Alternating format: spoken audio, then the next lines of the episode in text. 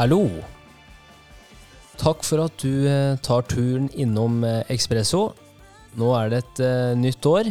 Samme muligheter. Og vi begynner året med første episode. Og det er med Thomas Lund Nilsen. Første gangen jeg møtte Thomas, det var faktisk når jeg var med på et lederprogram som heter Future Leaders. Og han skulle holde et foredrag om hans reise gjennom livet og hva vi yngre mennesker kan lære av det. Og jeg husker det foredraget som det skulle være i går. Jeg ble egentlig blåst av banen av hans evne til å kommunisere og sette ord på det jeg selv følte, og det var litt i forhold til det å vite og bli bedre kjent med seg selv, og hvor viktig det er å kunne ha det bra med seg selv for å lykkes i hva enn du skal lykkes med. Men kanskje det viktigste hvordan gå fram for å få et bra liv. Og har du det ikke bra med deg selv, så er det vanskelig å hjelpe andre å få det bra med seg selv, og hjelpe andre å lykkes med det de ønsker å lykkes med. Så endelig inviterte han til Myntgata, kriget seg gjennom snøen for å ta en prat, og Thomas har en ganske interessant reise, alltid fra hvordan han dreiv med kampsport, taekwondo, gjennom oppveksten, brukt det som en viktig del av livet hans, fram til han blei med i Forsvaret, ble befal, gikk så videre ut som politi, jobbet i politiet en god del år, før han da i 1999 begynte da i næringslivet, jobbet med teknologiselskap, var med og bygde det opp fra scratch. Og gjennom den reisen her så har han hatt ufattelige mange hendelser som har skjedd han. Alt fra det å møte en betongvegg Møte veggen, kjenne på utbrenthet. Kjenne på alle signalene som kroppen prøvde å sende deg, og, og virkelig gjennom den reisen har forstått hva som gjør at han skal kunne fungere optimalt. Og gjennom samtalen så var det mange ting jeg spurte ham. Jeg, jeg, tror bare den samtalen her kommer til å resonnere med veldig mange. For jeg tror veldig mange kjenner på nettopp det Thomas snakker om. Og det er å bli bedre kjent med seg selv, noe som har vært viktig for han, og som har vært balsam for sjela, er å komme ut i naturen. Virkelig søke og oppsøke den stillheten, lyden av stillheten. Være med med seg selv. Tørre å kunne stille seg selv de kritiske, de vanskelige spørsmålene. Gå litt inn i det ubehagelige for å vite hva er det som faktisk driver meg, og hva er det som gjør at jeg blir en lykkelig person, hva er det som gjør at jeg får mest mulig ut av livet. Og suksess er forskjellig fra alle mennesker, og virkelig kunne tappe inn i hva suksess er for deg. Så denne episoden her syns jeg var eh, Eller den episoden her syns jeg var en kjempebra måte å starte året på. Jeg håper du har fått en bra start uh, på året også. Du er klar for 2022. Eh, Og som alltid, hvis du liker det du hører, gjerne legg igjen en kommentar der det er mulig, eller trykk følg, så at vi kan fortsette å lage innhold og dele det med dere. Det året her blir veldig spennende. Det er mange interessante mennesker som er på listen. Og La oss bare komme i gang. Dette er Thomas Lund Nilsen.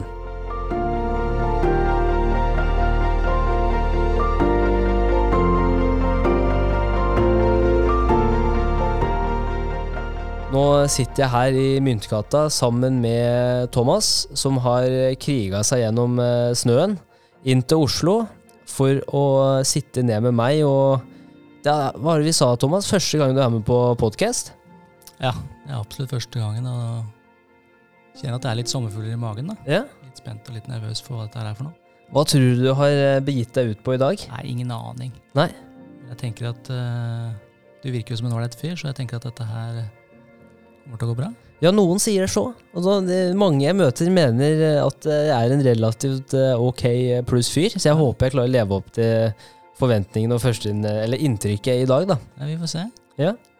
Så Nei, som sagt, det er jo Altså, for å gå litt tilbake i tid hvor det her begynte også, er at eh, for noen år tilbake så um, hørte jeg på et uh, foredrag når jeg var med på et lederprogram som het Future Leaders.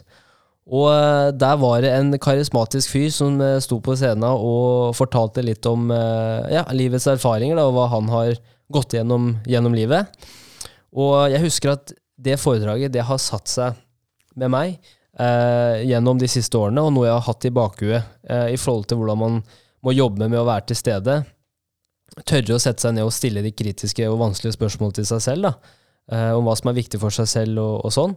Eh, så derfor er det en ære å endelig ha deg her. Eh, og jeg tror dette kan bli en veldig bra, veldig bra prat. Det er veldig hyggelig at du, at du syns at det foredraget var et, et foredrag som, som du har blitt prega på, på en måte. Ja. Om det så er bare deg, så er det gull verdt. Jeg er ganske sikker på at det ikke bare var meg. Det er jeg ganske sikker på. Det var, eh, det var en periode hvor jeg hadde tatt et par år ute av arbeidslivet, egentlig. Mhm. Så, så det var tilbake å kjenne litt på, på pulsen. Ja. Og dele litt noen refleksjoner og erfaringer som jeg har gjort meg i livet. da. Eh, Jeg gikk jo gjennom en betongvegg på et tidspunkt, Ja. eh, og trengte egentlig bare roe ned. Mm. Ja. For det er, eh, tenker jeg, noe som aldri har vært mer relevant enn det er nå. eh, I forhold til det å, å roe ned. Og selvfølgelig nå har vi vært i en pandemi, og de siste to årene har jo eh, tvunget mange mennesker til å faktisk roe ned, og noen har hatt godt av det, mens andre har kanskje slitt litt med det i forhold til arbeidsplasser osv. Men eh, altså, i forhold til det med å finne roen i seg selv, da, og begynne med det, og kunne være streng med seg sjæl i, i forhold til å lytte på kroppen. For det er kanskje, bare for å hoppe rett inn i det, da. Liksom, hvordan gjør man det?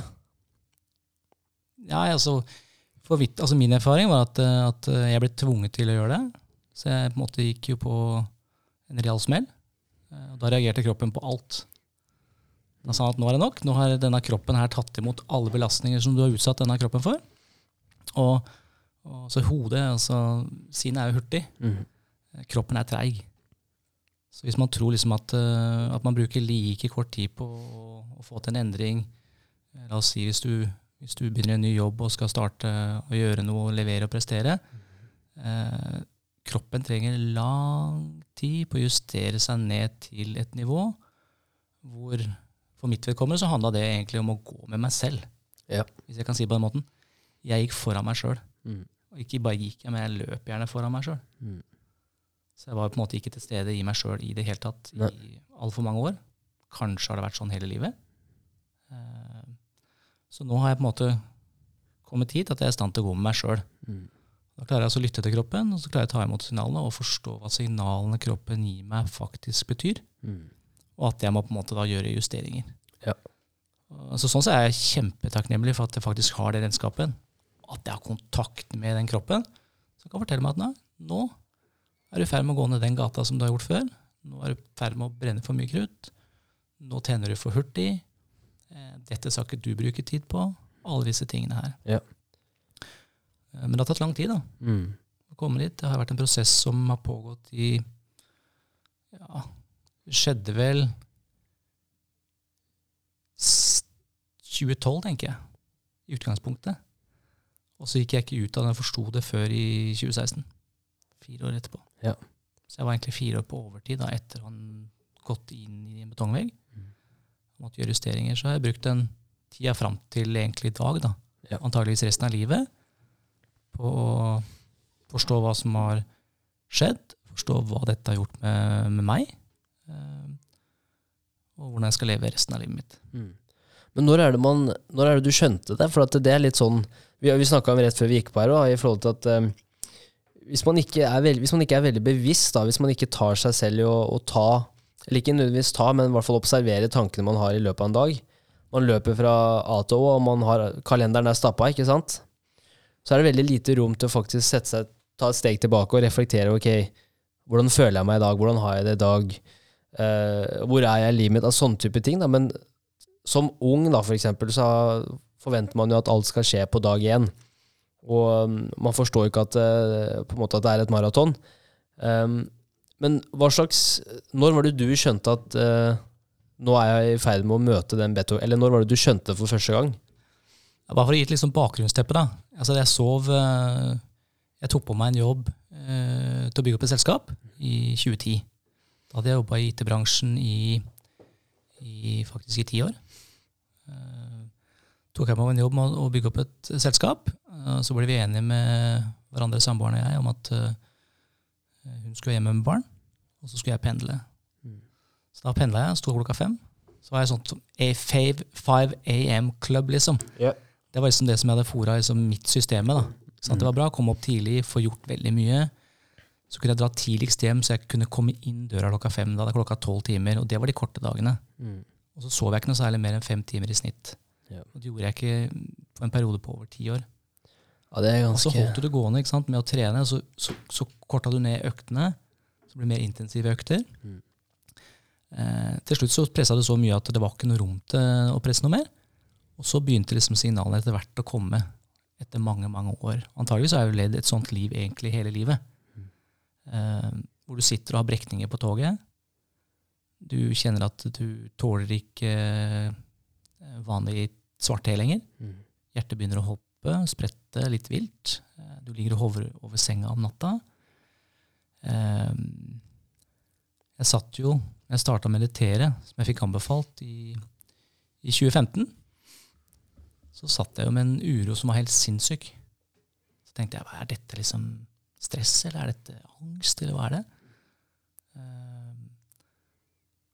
Så, så systemet var altså på høyere hele tiden, og så var jeg fatigue.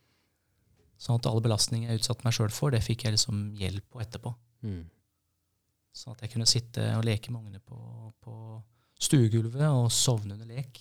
Mm. Det var ting som ikke stemte, og ting som ikke var på stell. Eh, Hadde jeg en treningsøkt, så fikk jeg fatiguen etterpå.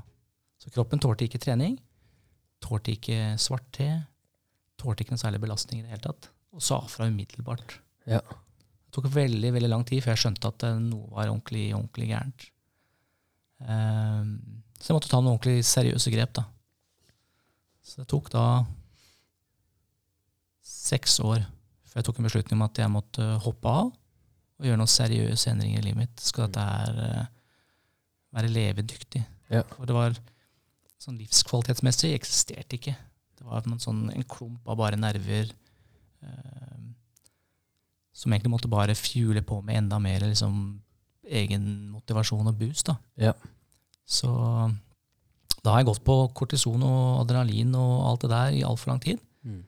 Hadde jeg ikke noe kontroll over det lenger, sånn at kroppen den, den boosta ut det. Og når det gikk ut, så fikk du fatiguen. Mm.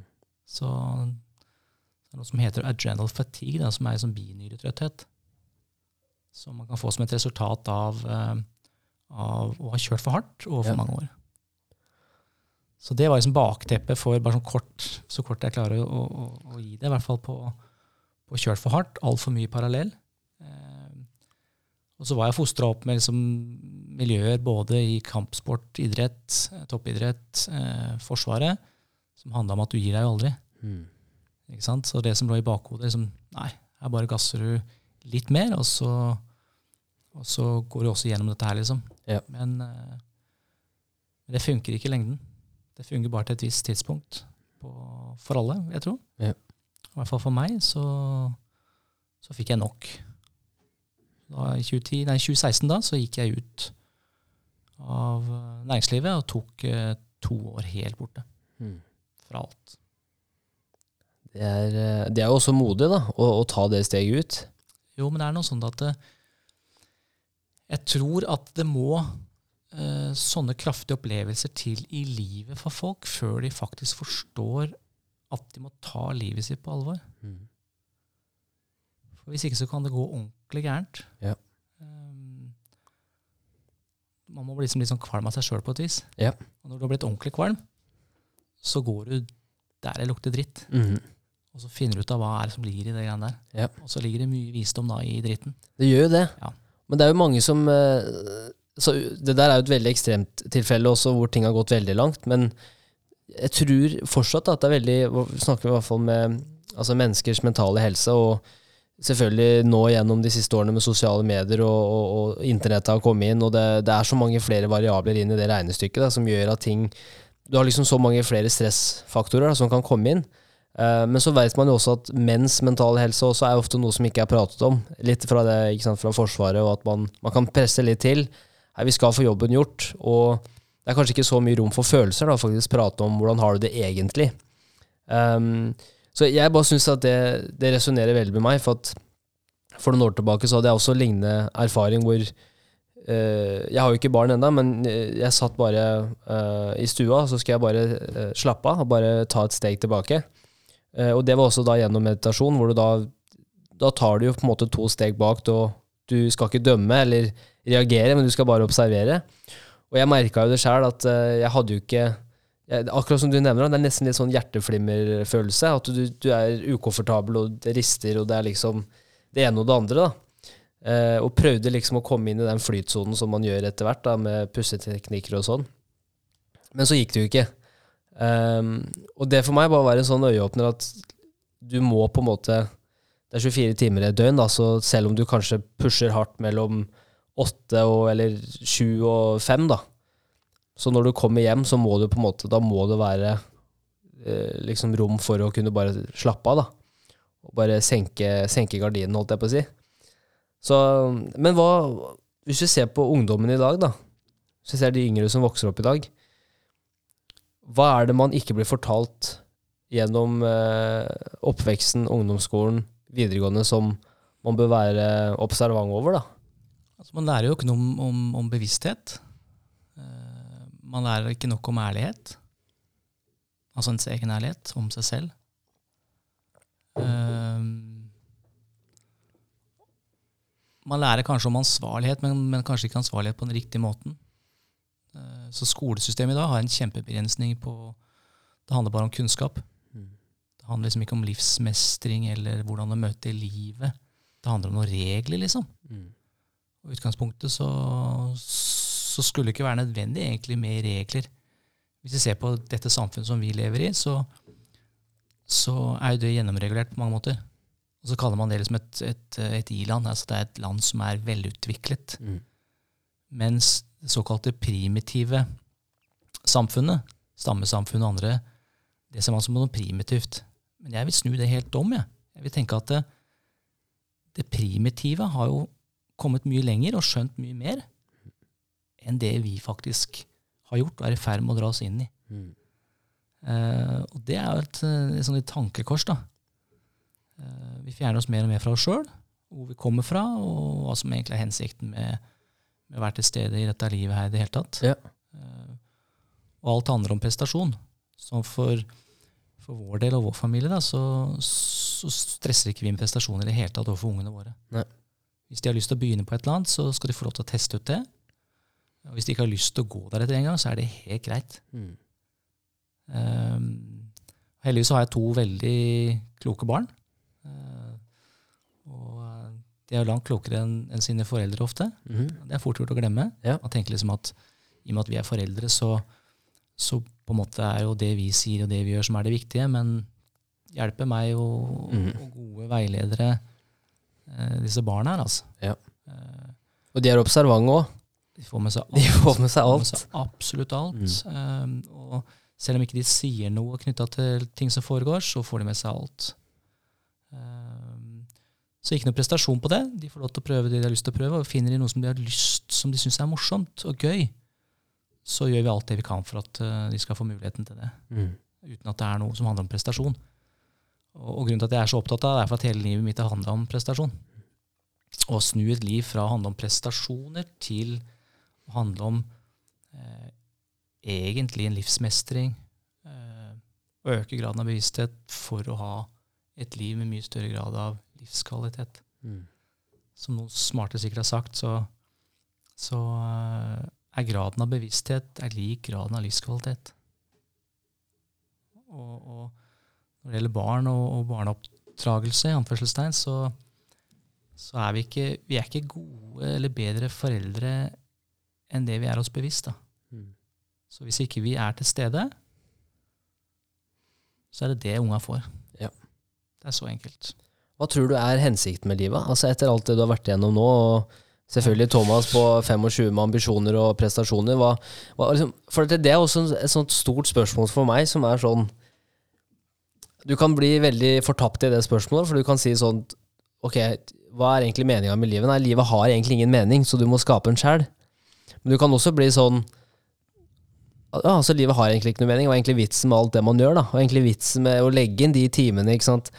Så, så for din del, etter alt du har vært igjennom, hva er ditt syn på hensikten med livet? Altså det er ett ord som du brukte akkurat nå, mm. som jeg tenker er nøkkelen. Og det er skape. Jeg tror vi er kommet hit for å skape. Og bruke den skaperkraften som ligger i alle. Og den er jo forskjellig. Det er forskjellige ting vi skal bidra med, tenker jeg. Det er forskjellige ting vi skal skape. Jeg tror alt handler om det. Mm. Jeg tror ikke det handler om at vi skal lære. Jeg tror ikke det handler om at vi skal prestere. Jeg tror det handler om å skape. Mm. Hvis jeg kan si det så enkelt. Ja. Det er For meg så gir jo det mening, og det er også altså en av de tingene som altså Marcus Aurelius er jo en av stoisismens eh, store, store menn, keiserne. Og han sier jo den ene tingen at um, når Marcus Aurelius han skrev disse meditations, uh, vet ikke hva det er oversettelsen til norsk er, meditasjoner, um, hvor han har skrevet brev til seg sjøl hvorfor han står opp om morgenen. Altså Vi er jo ikke skapt for å uh, bare være her, vi er jo skapt for å gjøre ting komme oss opp og faktisk bruke de timene til noe fornuftig. Da. Men der kan også være en misforståelse at bruke de timene til noe fornuftig er ikke å jobbe med blod, svette og tårer og glemme seg selv, men jobbe med seg selv. da. Um, så jeg, bare, jeg, jeg syns den traff eh, ganske bra. Ja, altså Det er klart at det, det er en jobb som må gjøres hvis du skal dykke inn. da. Yes. Hvis du ikke er opptatt av, av, av alt det ytre. Type rolle og og makt og posisjon og, og penger, liksom velstand og alt det der. Mm. Uh, for det, det, det, vil aldri liksom være noe som, som, gir noe fylde. Så jeg tenker at den indre reisen er det som vil gi den fylden som man søker. Ja. Uh, og så er ikke det noen enkel reise. Nei. jeg satt jo de første to årene når jeg mediterte. Jeg mediterer hver dag, så jeg har en praksis etablert. Mm. Det har jeg gjort siden 2015. Så heldigvis så har jeg såpass mye disiplin at jeg kan liksom etablere en praksis ja. kjapt og bestemme meg for at det gjør jeg. Um, og de to første årene det var å sitte med angst under hver eneste meditasjon. Uh, og det er nok kanskje noe som kan folk bli litt engstelige for og litt redde, for det er, det, er ubehagelig. Vi, vi, mennesker vi vil jo ikke ha det ubehagelig. Vi vil jo gjerne ha det litt sånn, litt sånn rosa og litt sånn fluffy yes. og litt sånn bliss, hvis vi kan få det, så er liksom det helt supert. Helt magisk. Men sånn er ikke livet. En klok dame som sa en gang at livet er en gnistrende lek i det dypeste alvor. Yes. Og så sa hun også at uh, livet er en stadig skiftende dans. Og, og, hvis man forstår hva som ligger i det, så skjønner man at det er opptur og nedtur. Så sa hun også at du blir ikke ilagt en større byrde enn det du kan takle. Hvis du tror på det, så, så, vet du at da kommer det til å gå greit. Mm. Uansett hva du blir liksom utsatt for, eller hva du, hva du havner i av situasjoner i livet. Ja. Eh, så er du faktisk eh, utrusta med det som trengs for å håndtere det. Mm. Nå snakker jeg for egen del. altså ja. For såpass langt ned var man jo når, eller var jeg jo når, når, eh, når jeg gikk på den smellen. Når du er så sliten, så blir du klart altså Du kan mobilisere mye, men på et eller annet tidspunkt så blir du mer skjør. Eh, du tåler ikke like mye lenger enn det du har gjort liksom før. Eh, men på en annen side så får du så mye mer igjen for å være til stede i livet ditt. Mm. Så, så, all den visdommen da, som avdekkes hver eneste dag i livet, gave som er, ja. er, er helt sinnssykt. Det er det. Ja, og den, den tror jeg ikke du klarer å få tak i hvis du velger å være i dette hamsterhjulet hele tiden. Mm. For det går så fort. Og det er fra det ene til det andre. Og det er multitasking. Og det handler bare om å gjøre fra du står opp om morgenen, ja. til du stuper i seng om kvelden. Mm. Du får liksom ikke tid til de lange tankene. Du får ikke tid til den kreative delen. Og hvis liksom livet handler om å være altså, creative, da, og det å kreere eller lage eller skape, så må du roe ned. Ja. Det er liksom den eneste måten du kan få de der gode ideene, de briljante tingene, eller det som du skal bidra med, ut. Ja. Uh, så må jeg si at jeg har hatt en, et, jeg har et kobbel av mennesker som er helt fantastiske i livet mitt. Uh, først har jeg en samboer som er helt unik. Så det er liksom, hva skal jeg si, min stemmegaffel. da. Uh, så når det er ting som jeg står i, så kan jeg vende meg til henne og spørre. Og når hun snakker, så er det med en, med en vanvittig kvalitet. Det er helt rent. Så sånn, jeg kan gå til henne, og så kan, hun, så kan hun snakke høyt. Og da er liksom det som kommer, det er det som skal komme. Mm. Og så kan det være med på å gjøre det lettere for meg å navigere. da. Så først og fremst henne. Eh, og så har jeg noen kompiser som, som har vært på denne reisen her i mange, mange år. Som kanskje er noen av de fremste i, i Norge og Skandinavia, kanskje også Europa, på tilstedeværelse.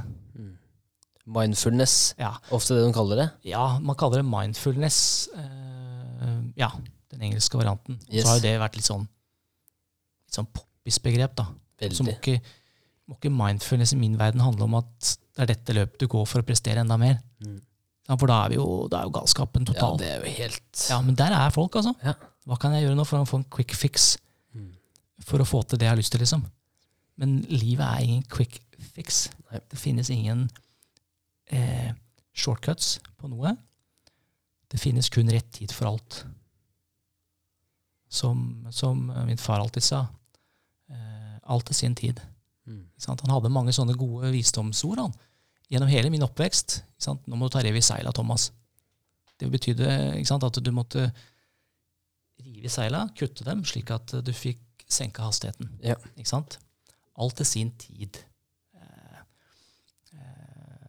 Han sa til meg 'du er døra halve veggen, du, Thomas'. Døra halve veggen, hva vil det si? Jeg sa, «Nei, det- Jeg er too much. Ja. Du gaper opp for mye. Eh, litt for høy fart. Eh, det var egentlig bare sånn peke En litt sånn subtil peking, egentlig. Men jeg var ikke i stand til å fange opp noe av den pekinga i, i barndommen. Hadde altfor mye fart, tente for kjapt på ting. Ja.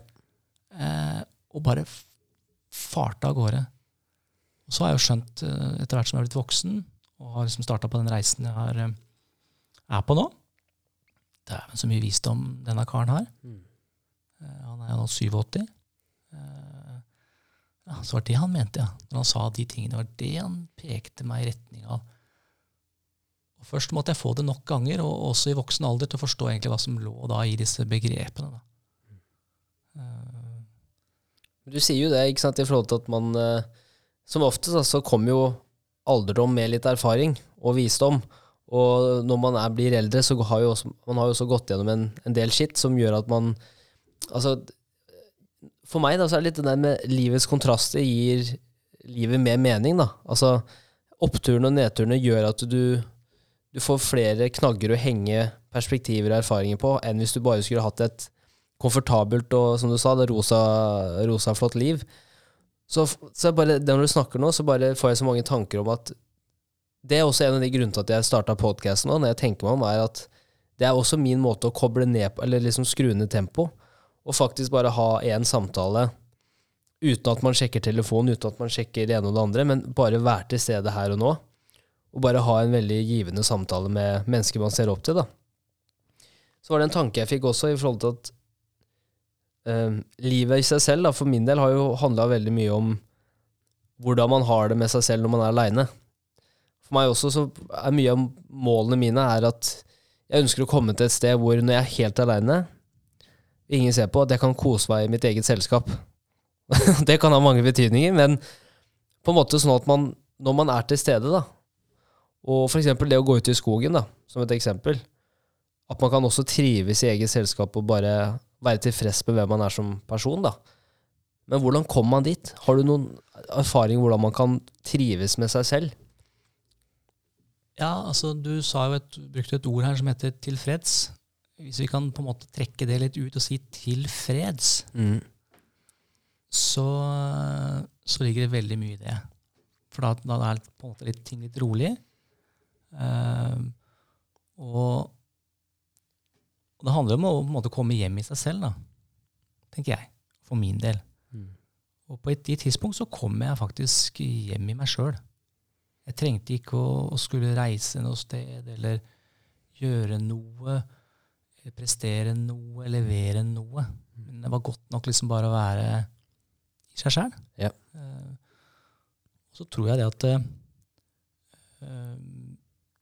veldig mange av oss peker på prestasjoner og setter likhetstegn med, med verdi, altså egenverdi. Og så er det også den, denne kloke damen da, som har sagt at uh, vi er født med tilstrekkelig egenverdi. Ja. Så det er altså ingenting som kan få deg til å bli høy i hatten eller lav i skoa, mm. som hun også sa til meg. Ja. Eh, av eh, vinning eller tap. Så den egenverdien, den er konstant. Mm. Men det ender at du må tro på at det faktisk er sånn. da. Ja. At du har tilstrekkelig egenverdi sånn som du er født. Du er født helt perfekt. Det er ingenting som trengs å forandres. Mm. Eh, og, og da, det bringer meg over på noe annet. Altså den sammenligninga som vi holder på med. Vi holder på med en sammenligning. sant? Eh, noen hadde et eksempel en gang hvor, hvor man var på en sånn middag hos naboen, og så hadde man fått en lønnsforhøyelse og var kjempefornøyd med det. Man hadde fått 5 og det var helt supert. ikke sant? Ja. Naboen hadde fått 7. Mm. Han fortalte at han hadde fått 7, så var ikke den 5 verdt noen ting lenger. Nei. Og da? Tenk deg den galskapen. Ja. Du var fornøyd. Og med ett lite øyeblikk ut fra hva en annen person sa, Mm. så var du ikke lenger fornøyd. Nei. Altså Det er helt sinnssykt. Det er jo samfunnet på steroider. Ja, Men hvis du går ut i naturen, og så ser du på de trærne og de buskene sant? Se på det tre der ute. Det står jo der i alle årstider. Ja. Tålmodig som bare det. Mm. Venter på at våren skal komme. som Knoppene skyter. Full blomst på sommeren. Og så går bladene vekk på høsten. Mm. Og så står den der allikevel på, på, på vinteren. Helt i ro. Visshet om at alle årstidene det skal oppleves. Gang på gang på gang. Eh, Og så sammenligner ikke det treet seg med noen andre. Nei. Og jeg er stor, og du din lille busk der borte. Nei. Alle har en oppgave. Mm. Ikke sant?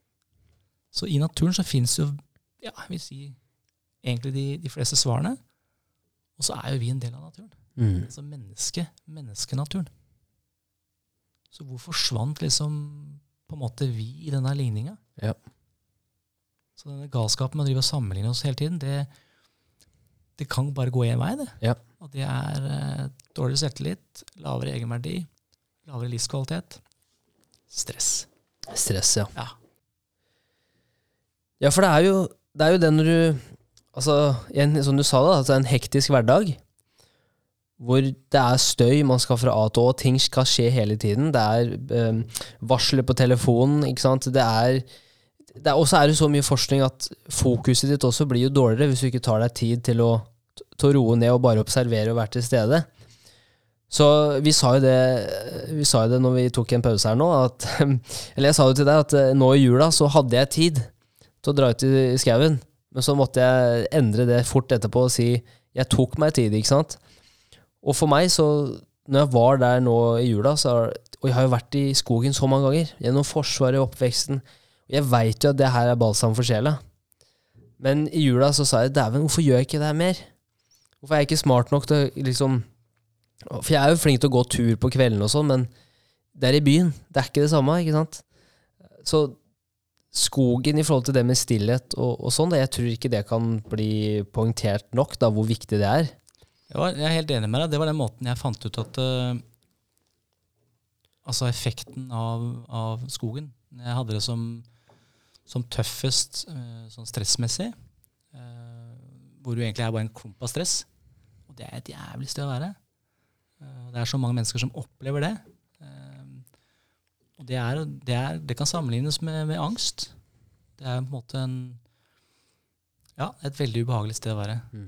Og når jeg gikk ut i skogen da, så gikk det vel en sånn 15-20 minutter, og så plutselig så ble jeg bevisst på at altså I alt det stresset så klarte jeg å bli bevisst på at oi, nå er kroppen min helt rolig. Mm. Og etter hvert så begynte jeg å skjønne ok, jeg kan jo teste ut dette. da. Sånn? Er det sånn at jeg, hver gang jeg går ut i skogen, så roer systemet seg? Og det gjør det. Og det fine er når man går ut i skogen, så er det sånn dette hektiske livet, det klarer ikke å få tak i det. Det er ikke mulig å få tak i det når du, når du, øh, når du er der ute. Og, og hvis man klarer å se ok, hva er verdien i det, da? Sånn, Hva er verdien i at de ikke får tak i det? Ja, altså det, naturen forteller deg jo at uh, Take a step back. Er, ja, take a step back. Du er natur. Akkurat som vi tenker at naturen er planter og trær og, og vann og skog og liksom alt det der mose og lyng og alt det. ikke sant? Mm. Men vi er jo like mye natur. Yep. Det er der vi kommer fra. Og så fjerner vi oss så langt fra, og så mister vi oss sjæl på veien. Det virker som vi fjerner oss mer og mer fra det, som mer som teknologien har kommet. Ja, altså teknologi er bra for veldig mye. Men man skal være seg bevisst bruken av teknologi også. Um, og Sjøl så måtte jeg kutte ut alle varslinger på telefon. Ja. Ikke? Jeg ikke skulle ha på varsling om morgenen. Skulle ikke, eh, ikke bruke telefonen de første timene på morgenen. Så det vil si før klokka ti. Yep. Mm, ikke noe telefon. Nei. Legge opp til at eh, e-poster det skjedde rett før lunsj Mhm. eh, når jeg jobba. da. Så normal åtte til fire-type, eller Yep. ja, den type jobbing. Eh, Og kanskje en liten runde før jeg avslutta. Mm. Men heller å ta oftere pauser. For da kommer liksom de gode tankene. Den kreative delen får liksom nok sant, ro, systemet. Og det er da liksom de briljante tingene kommer. Ja. De kommer jo ikke i stresset. Nei. Det er det som er paradokset. Mm. Så jo mer vi pusher, jo mindre skjer. Ja. Jo mindre vi pusher, jo mer utfolder seg. Ja, Det det, tenk, tenk om man hadde lært litt mer om det på skolen. det hadde vært helt fantastisk. Altså, jeg tenker det er tre ting som hadde vært fantastisk å lære mer om. Det første er selvbevissthet. Kritisk tenkning til liksom hva som skjer rundt deg, men også inn i, inn i deg sjøl. Personlig økonomi. Og enda mer fokus på ikke, ikke, ikke lære for å pugge, men lære for å forstå. Og ha samtaler som er basert på Ok, hva er dine syn på det her? Ok, interessant. Og liksom bli flinkere til å kunne ha samtaler med mennesker man er uenig med, eller mennesker som har andre synspunkter enn deg sjøl. Ja, da tenker jeg konsepter. Yep. Ikke sant? Ikke, ikke nødvendigvis at man skal bare lære om disse personene og disse menneskene og denne perioden og denne tiden, liksom. Du kan jo gå gjennom et helt liv og fylle opp med kunnskap, Mm. men det har jo svært lite verdi for deg Veldig. i det store løp, tenker jeg. Veldig. Eh, Jeg har aldri likt skole. Nei. Eh, og det har ikke vært for at jeg ikke har vært flink på skole. Mm. Jeg var flink når jeg hadde lyst til å være flink. Og så var jeg ikke fullt så flink når jeg ikke det syntes det var så spennende ut. Høres kjent ut. Ja, så. Ja. Men, men eh, og, og, og sånn er det i dag med begge de ungene mine. Mm, de er ikke veldig glad i skole. Nei. De er flinke begge to. Veldig flinke. Men de kjeder seg. Mm. De blir altså ikke stimulert.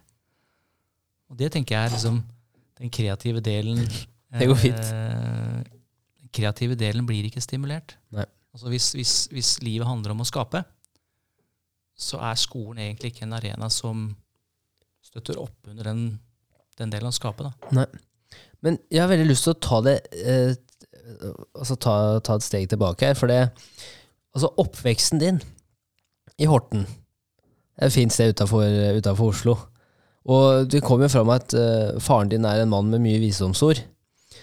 Men hva slags tanker og altså, ambisjoner hadde du gjennom oppveksten, eller hva var det du brukte tida di på gjennom oppveksten, og hvordan vil du beskrive Thomas som en ung kar, eller ung gutt? Ja, jeg kan jo prøve, prøve etter beste evne å gi beskrivelse av det. Eh, først så tror jeg nok han først og fremst var en litt sånn en liten av vekst, og litt sånn utrygg, litt usikker gutt. Jeg husker at jeg hadde liksom litt sånn engstelse for atomkrig. Det var liksom et sånt stort tema i livet mitt. Eh, det var mye som prega både drømmene mine om natta og andre ting. Så jeg, var nok en, litt sånn stille og forsiktig, litt engstelig gutt. Eh, så var jeg glad i å være kroppslig. Så det var mye idrett. Var liksom fotball og, og, og tennis. Og, og jeg har vært liksom gjennom både langrenn og håndball og, og dansing. Altså ballroom dancing. Eh, veldig mye forskjellig idrett, da. Og det syns jeg var moro. Alltid syntes det var. Så endte jeg opp med å, å begynne med karate da når jeg var 14. Så har det liksom fulgt meg helt fram til i dag. Mm. Og nå er ikke det riktignok en stor del av livet mitt akkurat nå. Jeg underviser litt sånn en gang i uka, så lenge de har behov for meg der nede, eller syns at jeg kan bidra med et eller annet. Så yeah. har jeg sagt at da er det greit. I det øyeblikket det ikke er greit lenger, så må dere si fra. Litt sånn som syvende far i Ja, huset. det skal som, eh, ikke skje. Det skal ikke skje. Så, så veldig mye rundt idrett. Veldig fysisk. Ja. Hadde mye energi. Eh, trodde jeg hadde mye energi. Altså nå i, i, i voksen alder så har jeg skjønt at jeg antageligvis aldri har hatt mye energi. Mm. Så jeg har nok brukt for mye eh, av energien jeg hadde tilgjengelig. Eh, men det er enklere når man er ung. mm. Man merker liksom ikke så mye av det. Eh, Men jeg har aldri hatt egentlig veldig mye energi. Selv om alle har trodd at Thomas var litt sånn Man tenkte hyperaktiv. Mm. Eh, ikke sant? Eh, høyt og lavt. Full fart. Da får man fort en label. Ja, og folk gir en label uten at de helt tatt forstår liksom bakenforliggende årsaker til hvorfor ting er som de er, eller hvorfor mennesker er som de er. Det er alltid en liksom bakenforliggende årsak til ting. Ja. Det er det man som skal vare seg litt, eh, vokte seg litt for å dømme. Mm. Eh, Så det var nok, det var nok oppveksten. Eh, Ja. Fysisk. Ja. Mye fart og spenning. Jeg lekte mye aleine i perioder. Jeg var nok mer tålmodig i leken enn veldig mange andre. Når vi hadde liksom akkurat kommet i gang med leken, så, så hoppa folk av. Og da tenkte jeg, jeg skjønte jo liksom ikke hvorfor hopper dere av nå? Det er jo akkurat nå leken har blitt moro. liksom. Det er akkurat nå vi har kommet i gang og fått liksom Ja. skapt liksom en, en, en, et rom for, for en bra lek her. da. Så nei, så jeg lekte nok mye alene og hadde mye sånn på måte, egen tid i hodet da Ja. eh, da jeg var liten. ja. Hva slags eh, tanker hadde du gjennom ungdomsskolen og videregående? Så atomkrig er jo en av disse. Det, eh, men hva For at på den tida, da, i forhold til altså Som du sier, det, når, man lekte på den tida, da altså Hvis du ser Jeg har jo to nieser, og ser når de vokser opp i dag Altså De er jo seks til åtte år. De har fått en iPhone. Og det er liksom nettbrettet er der, og jeg skjønner For jeg er jo ikke foreldre selv, så jeg kan jo ikke sette meg inn i situasjonen på den måten. Så jeg skjønner jo at det er lett å kaste en iPad for å stimulere de, og så kan, du, kan man slappe av litt, da. Men jeg tenker å vokse opp i dag, så, så har man aldri, det er aldri rom for å kjede seg, på en måte, da. Nei, og, og altså, vi, vi, vi måtte jo ropes inn, da. Nå er det middag, eller nå skal du Ja. bade, liksom. Når du var liten, så bada du et par ganger i uka da, ikke sant? for å holde deg sånn noenlunde rein. Ja. Så du hata det, ikke sant? Ville jo ikke inn. Du var ute hele tida, konstant ute, og lekte og gjorde dine ting. Og så tenker jeg at øh, Jeg har jo en ponnijente, så hun er jo opptatt av hest. Mm. Så hun, hun er i stallen hver eneste dag. Hun. Etter skolen og er ferdig med lekser, så er det rett ut stallen, og så er hun der eh, utover ettermiddagen og kvelden. Så henter jeg når hun er ferdig med det hun skal gjøre. Og det er syv dager i uka. Ja. Heldig. Er så takknemlig for at hun har den muligheten til å kunne være der ute med andre jenter. Mm. Og hest. Ta Være ute og være aktiv. Ute, være aktiv, ta ansvar for liksom et annet liv. da. Ja. Og ikke rekke gatelangs. Mm. Eh, Og så har jeg en gutt da, som er litt sånn eh, Ja, det er litt gamey med kompiser. Eh, hun er jo tolv, han blir ti nå, i januar. Men så lenge jeg vet at når jeg sier 'nå må ta en pause', og han gjør det med en gang uten at det er noe, liksom noe mokk, da, ikke noe sure miner eller at han blir sint, så, så tenker jeg ok, men da er det greit. Da er ikke denne spillinga så, så gærent for han. Nei. Det er mye verre hvis ungene liksom blir sinne og tverre og vanskelige. Ja. Da tror jeg ikke den spillinga er så sunt for dem. Nei. Så jeg er veldig glad for at, eh, at han Balansen. ja, at Yes. han, liksom måte, han klarer å regulere den biten. Han har fått nok, så, så slår han av de greiene der. Ja. Så finner han på sine ting uh, med kompiser. Men jeg må, jeg må sparke ham litt innimellom på å komme seg litt ut. da. Uh, han er veldig glad i å være hjemme.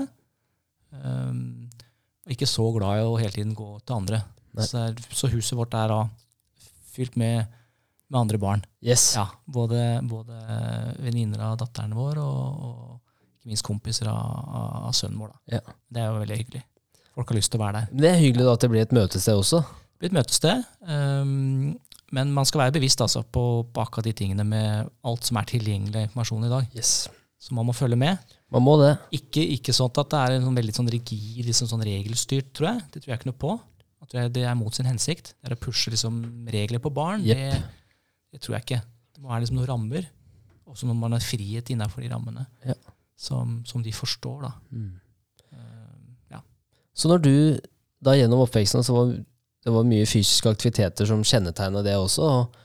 Hva slags mål hadde du gjennom ungdomsskolen og videregående? Hva var det du ønsket å jobbe med når du ble stor? Eller Ja, det er et kjempegodt spørsmål. Hvem er det som måte har de tankene Ja. så, så ung? Jeg tenker eh, eh, det var helt tilfeldig Altså, når vi skulle ta linjevalget, da, på et eksempel på hvor tilfeldig dette er Når vi skulle ta linjevalget på videregående, Ja. så kom jeg på morgenen på skolen, og så sier frøken ja, nå håper jeg at alle har liksom levert inn eh, linjevalget sitt. Og jeg hadde jo ikke fått med meg det, for det eneste som sto i huet på meg, det var jo trening. Skole var liksom et et sånn nødvendig onde. Og så tenkte jeg å, pokker. Kikka jeg meg rundt, og så så jeg liksom den peneste jenta i klassen. Så spurte jeg henne hva slags valg hun hadde tatt. Da. Ja, hun hadde tatt de, og så bare krysset jeg av de samme valgene. Ja. Det var liksom, Så bevisst var jeg, da. Ja. Da ble det liksom sosiøk og bedøk og matte Mm. på meg. Kanskje ikke var uh, helt min vei, men, men sånn ble det, liksom. Ja. Så jeg tror um, Jeg vet ikke, jeg. For min del så var liksom ikke noe tanke om hva jeg skulle bli. Det var mer tilfeldig. Den gangen så var det jo var det vernepliktig for alle gutter. da. Så det var liksom den veien man måtte. Det eneste jeg husker, var at jeg ønska å gjøre noe mer enn bare å ha førstegangstjeneste. Mm. Og få liksom på en måte noe mer igjen for det. En utdanning Ja, en utdanning. Så det var først da jeg egentlig begynte å tenke på, på ja, konsekvensene kanskje mer av de valgene jeg tok rundt, rundt valg av utdanning. Da. Ja. Men før det så var det ikke en tanke for det. Altså, det var, jeg var en enkel gutt som likte å leke og ha moro og trene. Det var liksom det som var greia. Ja. Så jeg måtte ta meg sammen jeg, altså på videregående. ja. Seriøst. Mm. Når jeg var ferdig med første klasse, så hadde jeg så lavt snitt at jeg fant ut at nei, nå må du ta i hvis jeg Thomas. Her må du det er henge her. med. Og så må du, må du gi gass på å få ålreite karakterer. Hvis det er slik at de karakterene har betydning for eventuelt jobbmuligheter eller videre, videreutdanning. Da. Så jeg tok meg sammen, og så fikk jeg et, eh, et bra snitt på samla sett. da. Bortsett Ja. fra at noen av karakterene som var standpunkt i første Yes. videregående, det dro meg litt ned. Men ja, ja. Jeg har klart meg fint. Du har det. Ja da. Absolutt. absolutt. Og Forsvaret, altså for, for min del, for jeg var jo også i Forsvaret i, altså oppe i Nord-Norge, i artilleribataljonen. Eh, og for meg, da, så- sånn som mutter'n sier, og de som hører her, har jo kanskje hørt dette før, men hun pleier jo å si at det var det året hvor jeg gikk fra å være guttebass til å bli mann. Bli selvstendig og, og ta vare på meg sjæl og forstå og evnen til å kunne ta vare på andre. Og liksom eh, hadde mer eh, Turte å gjøre mer, da, turte å gå mer utenfor komfortsonen og turte å liksom ta de stegene ut. Hvordan var det for deg de årene du var der, og, og etter hvert overgangen til da politiet, men også ut i næringslivet? da? Ja, så jeg husker godt første dagen på befalsskolen på Heistadmoen. Som BCS i 91. Det var liksom første møte med å komme deg ut av hjemmet. da. Det var en kjempeovergang. altså. Det var liksom sånn, bare et sånn stallsjokk. Og det var ikke noe walk in the park. Gamle skolen der. Så det var, det var to måneders brannperiode. Og det var jo et helvete, hele greiene. Det var både snørr og tårer og, og alt mulig rart egentlig på en ung gutt. da. Så på et vis så klarte jeg å komme meg gjennom det, for jeg hadde altså, trent såpass mye og gått god form. da. Så jeg hadde liksom den biten inn, så, så den biten var ikke den sånn store overgangen. Og med det mentale aspektet. Det var så mye regler, yep. og det var liksom rutiner, og det var som et, et opplegg man skulle gjennom. Eh, Så var det det at jeg var god på de tingene som jeg syntes var morsomt, og de tingene som jeg ikke syntes var godt, det brukte jeg ikke så mye tid på. Så da havna jeg sånn midt i treet liksom, på, på det kullet. Men det var starten, og så havna jeg i Nord-Norge eh, i pliktåret. Ja. Jeg hadde én plass eh, Han som var før meg på rangeringa, han tok den siste plassen som var da i Oslo. Ja. Det var to plasser i guiden. Han tok den siste plassen i guiden. Nei, pokker. Jeg stikker til Nord-Norge. Ja. 2. bataljon, Merkestadmo, Skjold, Indre Troms, Yes. kaldt. Alt liksom. Stedet der Ja, ja. Gud eh, forlat, eller Ja, ja. eh, forlot. Og der, og der hvor, eh, der hvor folka fikk det såkalte brigadebrevet, da, altså da, da gjorde dama det slutt med deg. Liksom. Da fikk Ja. du brigadebrevet. Mm. Liksom Forlovelsesringen i posten og sånne type ting. Da. Ja. Ja. Heldigvis ikke jeg, jeg forlova, men, men jeg opplevde jo jeg opplevde det samme når jeg var der oppe, jeg også. Mm. Det ble slutt med den, den kjæresten jeg hadde den gangen. Ja. Så, så det var en, en veldig fin periode. Veldig lærerikt på å se på liksom et større system. Men veldig tidlig der så fant jeg ut at jeg kan ikke Jeg husker jeg spiste pizza på messa, befalsmessa, en, en kveld. Jeg husker Thomas, hvis du, hvis du fortsetter i dette systemet, dette grønne systemet som jeg kalte det, da, Mhm. den indre dialogen jeg hadde med meg selv, så forblir du grønn. Altså Det er et eller annet med at du kan ikke, du kan ikke forbli i dette systemet. Eh, så jeg fortsatte ikke, ikke karrieren min da Nei. eh, som yrkesmilitær, da. Eh, og søkte politi. Ja. Høgskolen, av alle ting. Og det var ikke noe som var planlagt. Det var egentlig bare at Var det også en pen dame? Nei, hun jeg var sammen med, hun Ja. hadde lyst til å søke. Og så tenkte jeg da i mitt stille sinn at jeg kan alltid søke, jeg har ikke noe å tape på det. liksom. Og så søkte jeg, og så, og så var jeg på opptak i Nord-Norge. Og så gjorde jeg veldig godt på opptaket. Fikk liksom gode karakterer på det. Gjorde det skikkelig dårlig på, på intervjuet. Uh, altså ikke, ikke på intervjuet, men jeg, jeg gjorde det dårlig på en sånn oppgave man skulle svare på på det lokale, lokale politihuset. Ja. Hva er det de spør om? Nei, er på de spør sånne om alt- de spør om alt mulig rart. Det var en sånn lang, svær blekke jeg måtte svare på, og så trodde jeg han karen skulle hjem klokka tre fra jobb. så, så jeg stressa jo med å bli ferdig, vet du. Ja. For jeg trodde han skulle hjem. Jeg tenkte jo ikke at de hadde sånn døgnbemanning, og at det, jeg hadde god tid. Jeg kunne bruke så god tid som helst. Nei. Jeg rasa eh, som vanlig Thomas til. da. Jeg Ja. Rasa av gårde. Og fikk jo den rett i trynet da, på intervjuet. Mm. Eh, men så fant de vel sikkert ut at jeg hadde Det var noe sunt bondevett i, i skallen på meg, og ikke så halvgæren bakgrunn. Mm. At det var noe å bygge en politimann ut av da. Ja. Så ble det en, en karriere i politiet etter det. Ja. Eh, jeg hadde det kjempebra. Jeg hadde, fikk muligheter som svært ung til å drive utdanning på tre fagfelt Mm. i politiet. Eh, noen som hadde troa på, på meg, da, og som tok meg med under sine vinger. Og, og fikk jobba både med konflikthåndtering, arrestasjonsteknikk, selvforsvar, eh, våpenhåndtering, taktikk, skyting. Ja, Mm. veldig mye. Ja. Basert på da min tilknytning til, til eh, et annet miljø i Forsvaret, som jeg kom inn i da seinere. Mm. Etter at jeg var ferdig som, som politimann, inn i det som het uh, HVSPES, som Ja. var eller spesialavdelingen da, i, i Heimevernssystemet, som jeg var med i i tolv år. Ja. Uh, fram til, uh, ja, fram til 2011. Mm. Så jeg hadde muligheter i politiet som, som svært ung, som var svært spennende. Svært givende og lærerikt. Uh, fikk være med liksom å, ja, skape egentlig en, en ny standard for hvordan man skulle drive eh, våpenopplæring og, og, og utdanning eh, for politimannskaper i distriktet som jeg opererte i. Da. Det var jo da Drammen. Ja. Så det var vel egentlig sånn kort oppsummert liksom, litt sånn rundt skole og, og, og utdanning og tanker. Men som du ser, mye tilfeldig til at det ble sånn. Men det tror jeg er mer normalt enn man skal ha det til. Det er veldig ofte når jeg spør, spør på gjestene her på podkasten, når jeg spør de om Hadde du en, på en måte en strategisk plan? For for min del, jeg hadde ikke en strategisk plan når jeg gikk på ungdomsskolen og videregående. Det eneste jeg visste, var på en måte at jeg, jeg, jeg likte å Jeg syntes det var morsomt å underho- underholde folk og skape god stemning, og jeg syntes det var gøy, da. Humor var mye som har dratt igjennom, men det er det eneste for meg som jeg tenkte. Og når jeg dro inn i Forsvaret, så var det fordi at jeg ville på en måte, prøve å utfordre meg selv litt. Det var det jeg visste. Og så kom jeg tilbake igjen, og da var det jo økonomi. Som alle andre eh, generelt gjør. da. Og, så jeg tror det er veldig mye vanligere enn man skal ha det til. Det der med tilfeldigheter. Ja, jeg tror kanskje det også. Og, og, og, så er det sånn at hvis man ikke helt kjenner etter, da, sant? Og, hva man kjenner at man har lyst til, eller har evner til, eh, så flyter man egentlig litt sånn Veldig. Ja, Veldig. så, så gjorde jeg en transit da, så gjorde jeg en transit over til det private da i desember 99. Ja. Og, det møtet var jo sånn, altså, eh, hvis folk tenker liksom at man skal en, starte en jobb, da, så tenker man at man kommer inn et sted, det er ordna forhold, eh, man har et utdanningsløp eller en sånn onboarding-periode. Mm. Ja. Det høres jo så fancy og flott ut. Min onboarding-periode da, det var at administrerende han eh, tok meg ned, ned i kjelleren. Dette var et IT-konsulentselskap. Yeah. 99.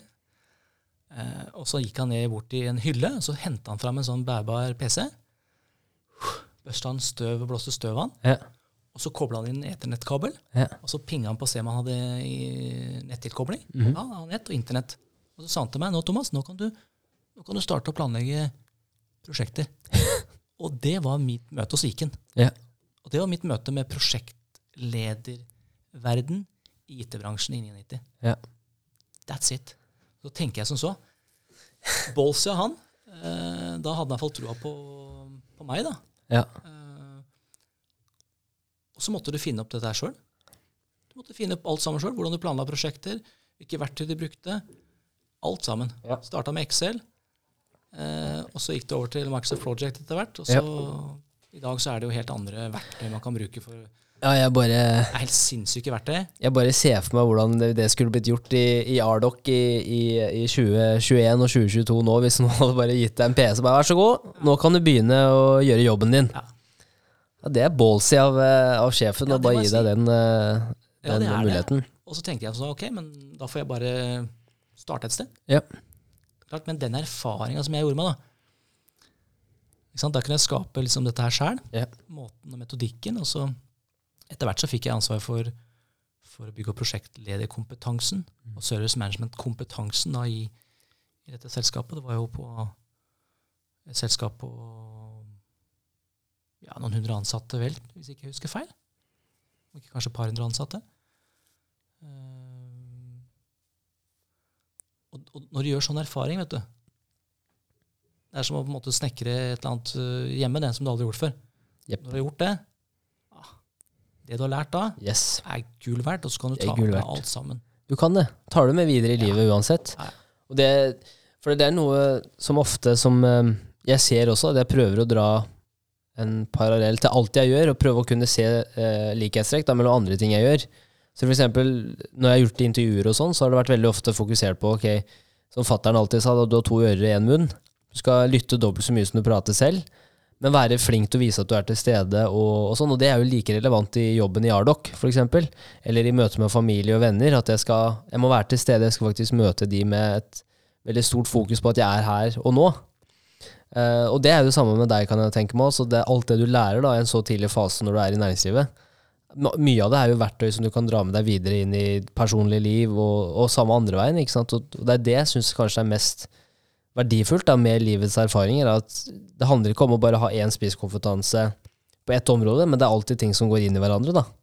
Som du kan dra, dra inn uh, i andre steder. Um, men for nå som jeg har lyst til å spørre om, da, som jeg syns alltid er morsomt å stille deg Hvis du skulle møtt Thomas, da.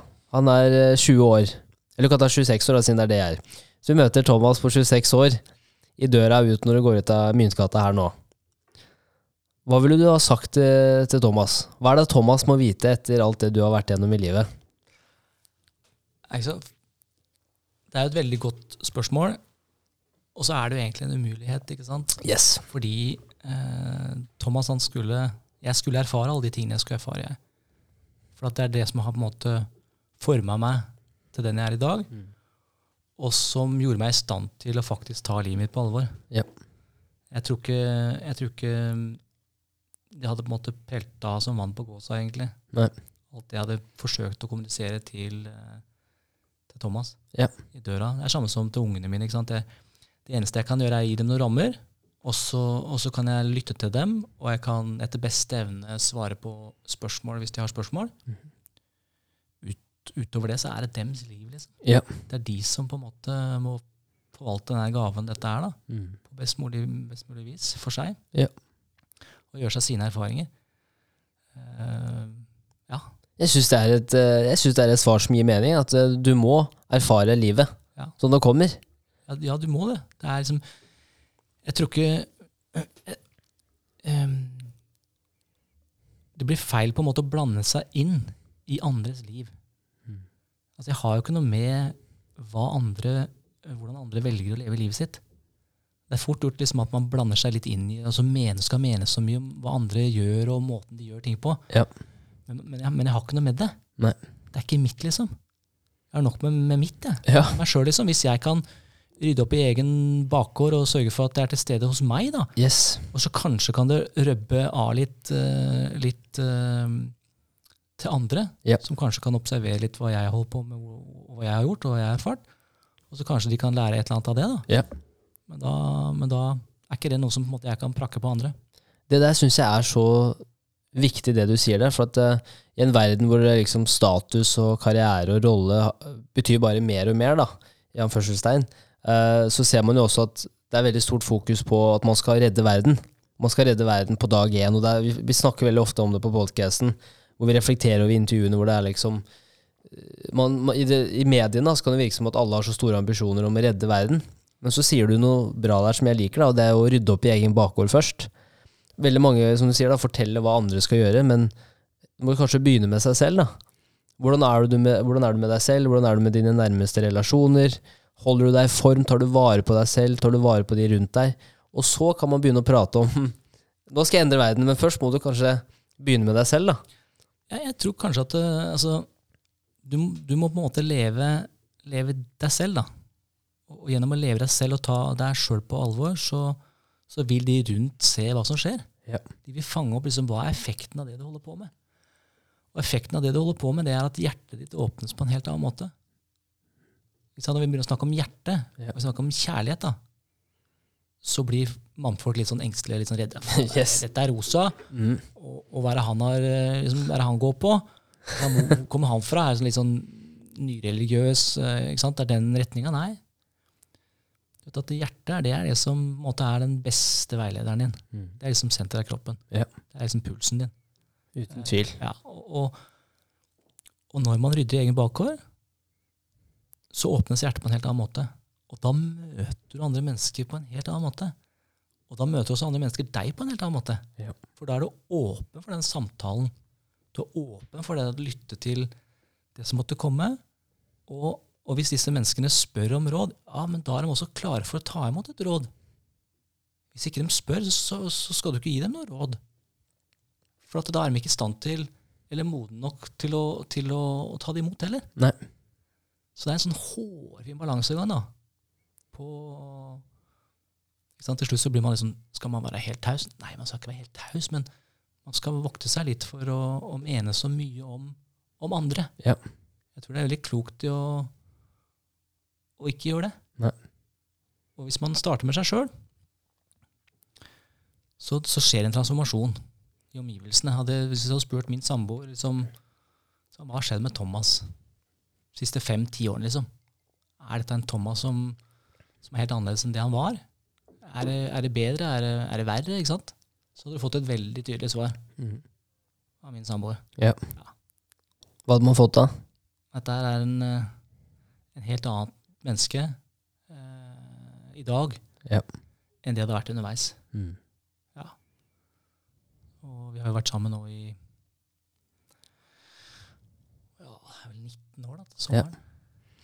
Ja, det er lenge. Ja, så, så noe, noe si, riktig har vi gjort. altså. Uten tvil. Og Ja. man lærer mye over 19 år òg. Ja, men gjør det. Så Nei, så det ligger mye visdom og klokskap, tror jeg, i å, å starte med seg sjøl. Ja. Og man må alltid starte med seg sjøl. Mm. Det er som folk sier, at du, du må elske deg selv først. liksom. Ja. Så blir det en sånn, sånn floskel. Mm. Men det er så mye sannhet i det. Ja, det, Hvis ikke du gjør det, hvordan all verden skal du elske noen andre? da? jeg er helt enig. Hvis du ikke har det bra med deg sjæl. Jeg er helt enig. Det er helt umulig. Helt umulig. Ja. Det er helt umulig. Helt umulig. Og altså bare fellestrekket for den episoden i dag og føler jeg liksom er ta den indre reisen, eller i hvert fall liksom hvordan begynne å ha den dialogen med seg selv, da, for å begynne å ha det bra med seg selv. Det tror jeg på en måte er det man kan ta, ifra, ta med seg fra denne episoden her. da. Um, Jeg tror det også er Du må gå rett igjennom, liksom. Alt det ubehaget som, som livet innebærer, så, så, så må du gå rett igjennom. Ja. Jeg er ikke sikkert at du har tid til å gå alle disse omveiene. Nei. Sant? Avvik fra rett linje er aldri feil. Du har gjort så mange ganger at du ikke er selv klar over at det er feil lenger. Ja. Det er klart, da blir denne her? Det blir så, så, Og så er det den gode samtalen. Jeg Ja. tror den gode samtalen, det er det som er fint med den poden du har her. da. mm, Det er det jeg skal etterpå. Jeg Ja. skal møte noen gode kompiser. Og vi har noen hengekøyer. Og så stikker vi ut i skogen. Mm. Og det trenger ikke være noe lange greier. Det er liksom på en måte rett ut i nærområdet. Så har vi og sager opp et eh, tre, hogger litt ved, eh, fyrer opp bålet. Og så kan vi ha de gode samtalene Mm. Ute i skogen om livet. Ja. Dette er, jo, dette er jo karer som To av dem har vært buddhistmunker i, i Tibet tidligere. Det er interessant. Eh, en som heter Henrik, Bra navn. en som heter Viggo. Bra navn. Ja. Um, også en som heter eh, Ivar. De tre er jo, er jo lærere i, i mindfulness og sted- tilstedeværelse. Ja. De gutta der. Veldig flinke lærere, og så har de en læremester. Mhm. Og det er Vigdis, Vigdis Garbarek. Ja. Det er læremesteren til, til Viggo, Ivar og, og Henrik. Ja. Og så har jeg en kar som jeg gikk en fordypning sammen med, som heter eh, Roger. Som er eh, ja, ti år eldre enn enn meg. Eh, Som voksen kar. Eh, Så jeg blir voksen sjøl òg, etter hvert. Jeg blir jo 50 i februar. Jeg holder deg bra. Ja, takk for det. takk for det. Ja, fy søren. Um, det, er tre, det, er, det er fire flotte mennesker. Ja. Eh, masse visdom. Ta gjerne en prat med de, altså. Altså det må du hvis, altså Det kan jeg, jeg kan rute deg. Gjerne. Eh, Gjerne. Og, og så er det jo Vidis Garbark som er læremester. Altså, jeg tar gjerne en, gjerne en prat med de, altså, for det er, det er jo også hovedmålet med den podcasten her, når jeg har tenkt meg over et, nå igjennom etter snart 100 episoder. Det er jo, jeg ser jo hva er det jeg ønsker å få ut av det, og det ser jeg blir mer og mer innover, på en måte. Det blir mer og mer fokus på hvordan ha det bra med seg selv, da, og så bruke eh, gjestenes erfaringer da, til å få det budskapet fram. Men også da å kunne lære av forskjellige mennesker, for alle har sine forskjellige reiser. Men det er jo mange ting som man har til felles, og som gjør at man ikke alltid trenger å gå i fellene selv, om at man kan lære av de som har gått veien før. Så å ta en prat med, med, med de hadde vært kjempe, kjempeinteressant. Ja, Det er helt sikkert at det er, er til det, vil jeg tro. Ja. Um, og de har en fordypning i, i tilstedeværelse, altså mindfulness, Mm. som, eh, som Vigdis da er eh, arkitekten bak. Ja. Et, år, et års varighet fire samlinger. Mm. Det var det jeg tok i 2017. Ja. Som en forlengelse kan du si, av meditasjonspraksisen min. da. Så var jeg med på det, og det er, eh, det er kanskje det viktigste valget jeg har tatt, og som har hatt størst effekt på, på mitt vesen. da Mm. den fordypningen.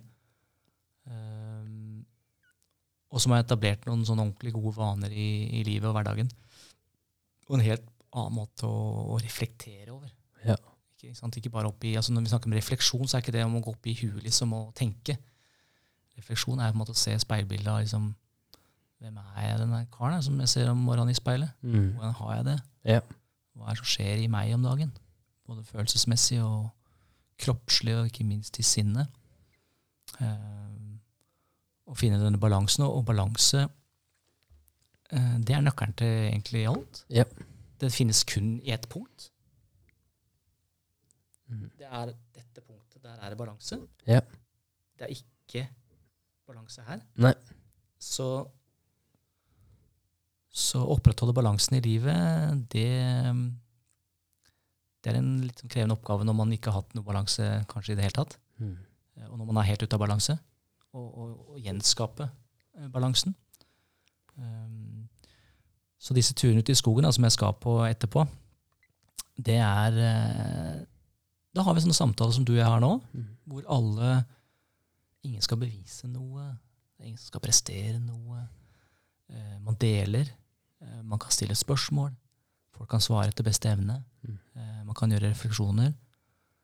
Eh, så kan man være litt fysiske med at vi hogger litt ved og, og sager noen trær og Yes. tilbereder en god biff på, på bålet. Ja, det er herlig. Eh, stirre inn i flammene. Hoppe i køya når, eh, når det drar seg til på kvelden. Eh, kjenne disse naturelementene og kreftene. I dag er det jo liksom sånn ja, det var fem-seks minus i dag tidlig, vel. Mm. Nå har vi godt utstyr, så er det ikke noe problem. Men, men vi gjør dette her en gang i måneden, vi. Ja. Minimum én til to netter i måneden gjør vi dette. Herlig. Eh, og det er et resultat av en kompis av meg som starta en sånn gruppe på Facebook som heter Vi som trives i hengekøye. Ja. Jeg tror vi var 70 stykk.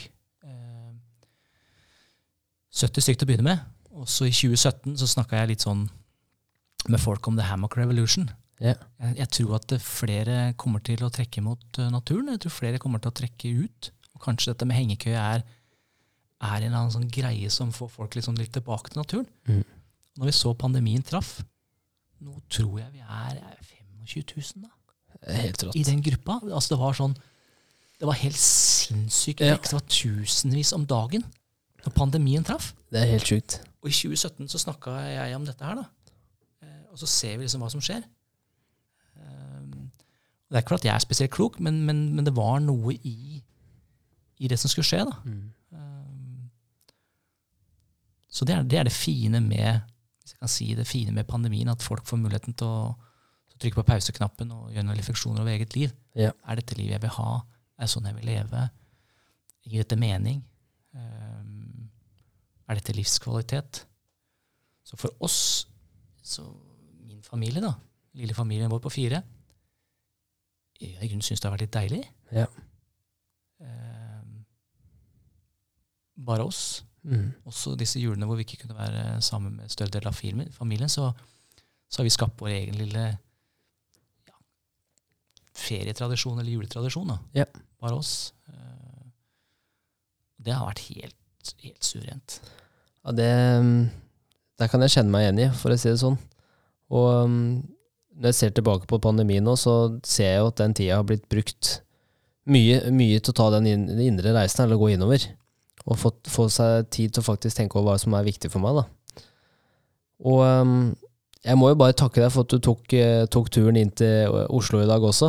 Det har vært uh, kjempegivende, Thomas, å catch up og høre hvordan det går. og få lov til å lære mer om dine erfaringer og, og det du har vært igjennom, og hva andre som også kommer etter deg, kan lære av det, da, sånn som jeg gjorde også. Og eh, jeg håper ikke dette blir siste samtalen vi har på den podkasten. Jeg tar gjerne en prat til. Ja, altså jeg tipper at vi har mye, mye å prate om. Yes. Eh, Du har jo en spennende reise. Eh, jeg skjønte at du, du jobba der du jobber, så tenkte jeg at jeg er noen felles kjente. Mm. Jeg jobba med for, for mange herrens år siden. Smart, flinke folk. Så vi har kommet på et veldig bra sted. Veldig. Eh, og så er det kjempefint at du har muligheten til å kunne ha den friheten til å gjøre det du gjør nå. Yep. Og det tenker jeg at arbeidsgivere eh, har et ansvar for å legge forhold til rette for de menneskene man tar om bord. Så enkelt som det. Så enkelt som det. Ja, så enkelt som det. Tusen takk, Thomas. Tusen takk. Vi snakkes. Det gjør vi. Hei.